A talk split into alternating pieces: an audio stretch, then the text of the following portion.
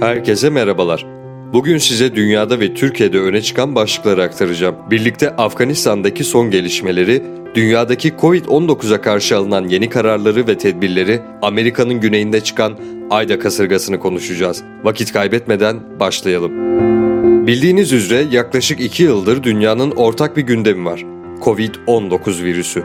Aşılamanın yayılmasıyla birlikte yaz başında kısmi bir rahatlama görülmüştü. Ülkeler yavaş yavaş açılma politikalarını uygulamaya başlamışlardı. Hatta ekonomi de bu yönde olumlu olarak seyrediyordu ki tekrar vaka sayıları tüm dünyada yükselmeye başladı. Şu sıralar tüm dünya Delta varyantına karşı yeni önlemler almaya başladı. ABD Başkanı'nın tıbbi danışmanı olan Anthony Fauci, son derece bulaşıcı delta varyantı göz önüne alındığında insanların iki doz Pfizer-BioNTech veya Moderna aşısını aldıktan sonra fazladan bir aşı yaptırmaları gerekeceği konusunda hiç şüphe yok diyor. Amerikan Başkanı Joe Biden, Cuma günü yönetiminin İsrail Başbakanı'ndan aldığı tavsiyeye atıfta bulunarak aşılamadan 5 ay sonra takviye aşılar yapıp yapmamayı düşündüğünü öne sürmüştü. Atina'da aşı karşıtı protestolarda dün bir eylemci gözaltına alındı. Pazar akşamı başlayan protestolarda göstericilerle polisler arasında sinirler gerildi. Almanya Başbakanı Angela Merkel, Afrika kıtasının yakında Almanya'dan 70 milyon doz aşıya erişebileceğini söyledi. Aşı konusunun hukuki boyutunda da tüm dünyada tartışmalar devam ediyor. Ülkeler çeşitli yasaklar getiriyorlar, farklı farklı uygulamalar çıkartıyorlar. Bugün de enteresan bir olay yaşandı. Illinois'de bir yargıç bir annenin koronavirüse karşı aşı olmayı reddettiği için 11 yaşındaki oğlunu ziyaret etme hakkını iptal etti. Amerika'da buna benzer bir karar daha önce alınmamıştı.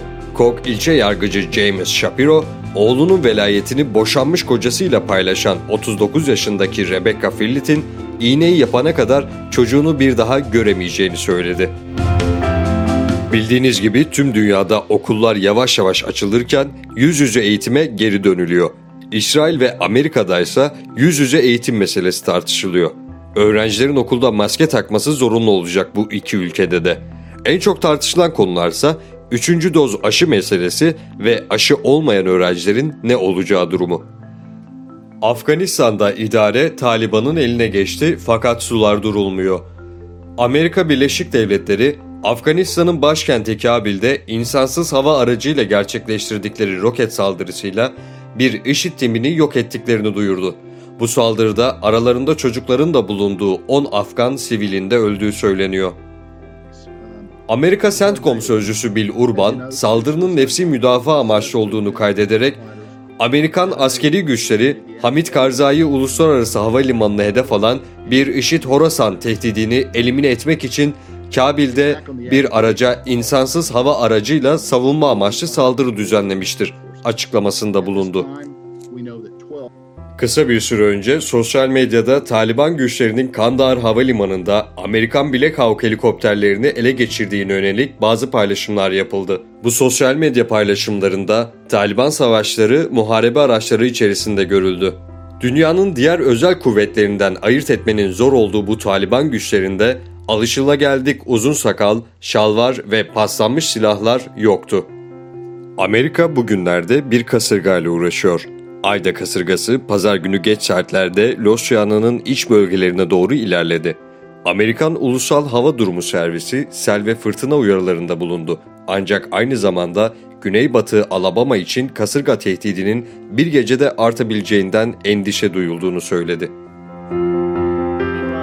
Batı Şeria, pazar gecesi İsrail Savunma Bakanı Benny Gantz ile Filistin Başkanı Mahmud Abbas arasında Başbakan Naftali Bennett'in ABD Başkanı Joe ile yaptığı görüşmeden dönmesinden saatler sonra gerçekleşen ilginç bir görüşmeye sahne oldu.